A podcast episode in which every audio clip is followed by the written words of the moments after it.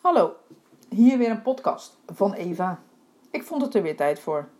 Gisteren om deze tijd stond ik uh, in de bestuurskamer van het Feyenoordstadion en was ik aanwezig bij een presentatie van Hans van Breukelen.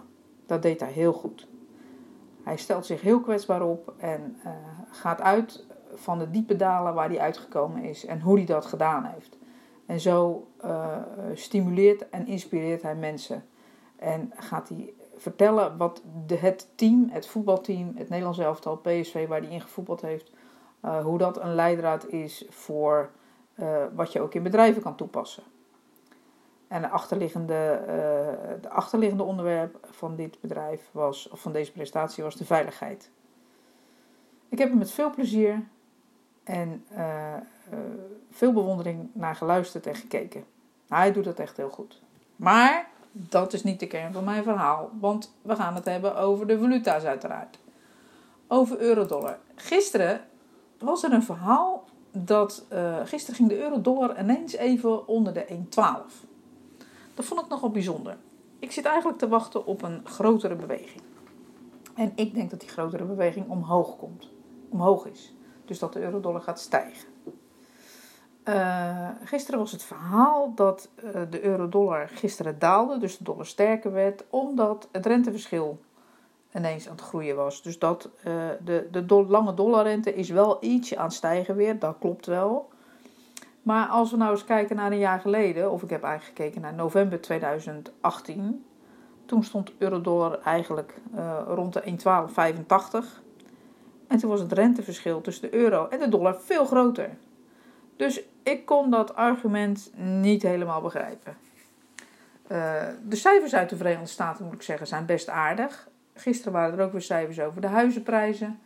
Uh, uh, of de huizenverkopen. De huizenprijsindex was gedaald. Maar de huizenverkopen waren gestegen. Dus dat was op zich, ja, dat, dat was op zich prima. Ehm, wat hebben we nog meer?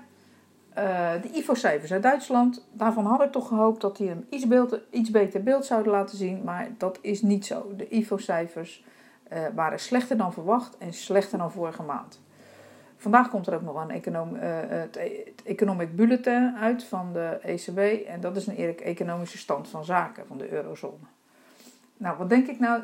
De IFO was slecht en ik moet zeggen, Eurodollar heeft daar niet zoveel van te lijden. We gingen heel even naar de 1.1197 en nu staan we weer op 1.1220. Dus ik heb toch het gevoel dat uh, de tweede helft van dit jaar uh, de eurodollar wat uh, hoger zal zijn. Dat die wat zal stijgen. En ik ben het niet met de Rabo eens. Ik ben het niet met de ABN eens. Die zeggen dat het eerst naar 1,10 zal gaan. Ik geloof er helemaal niets van. Ik vind ook de olieprijs veel te hoog. Ik denk dat het aanbod van olie de komende tijd alleen maar zal toenemen. Ik mag toch hopen dat uh, de productieverlaging, zoals die zijn uh, bepaald tot uh, eind van juni van de OPEC, dat van 1,2 miljoen vaten per dag minder productie, dat die productieverlaging eraf zal gaan. Want anders dan ja, heeft meneer Trump zich wel enorm in de voet geschoten. En dat zou wel de spanningen tussen het Midden-Oosten en de Verenigde Staten aanwakkeren. En ik denk dat beide daar geen behoefte aan hebben. Dus ik denk dat de OPEC uh, de productieverlaging niet zal verlengen vanaf uh, juli, desgezegd. En ik moet zeggen, ik vind de stilte voor de Brexit-storm ook wel enorm, ja, eigenlijk totaal onverwacht. Hoe kan het zijn dat Theresa May, die steeds roept: Ik wilde voor de 22e mei uit, want dan hoef ik niet mee te doen aan de Europese verkiezingen. En nu zie je Nigel Farage, zich weer helemaal opmaken voor de Europese verkiezingen. Je ziet dat eigenlijk het VK nu niet bezig is met de Brexit, maar met de Europese verkiezingen. Dus dat de eruit voordat de Europese verkiezingen er zijn, dat dat totaal niet in vraag is. Dus we streven af, we stevenen af op een Brexit per 31 oktober.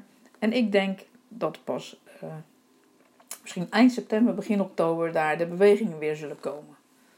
Wel teleurstellend als je de woorden van May moest geloven net voordat het uitstel is aangevraagd.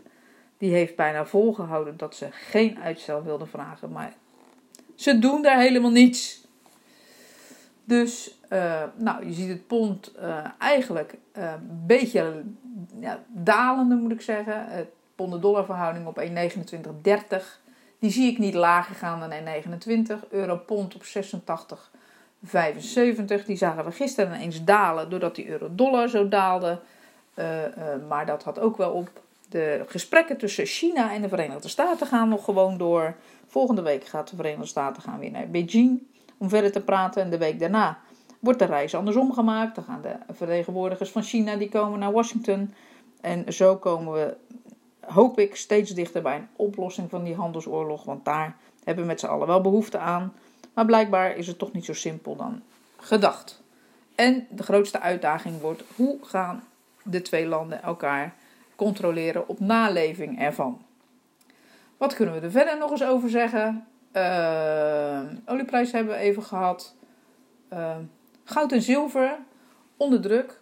Doordat uh, de cijfers uit de Verenigde Staten vrij goed zijn. Ehm, de oplossing tussen van de handelsoorlog misschien voorhanden is. En nou ja, er is minder vlucht naar veiligheid. Wat het goud en het zilver toch is. En toch denk ik dat deze twee metalen aan de vooravond staan van een grote beweging omhoog.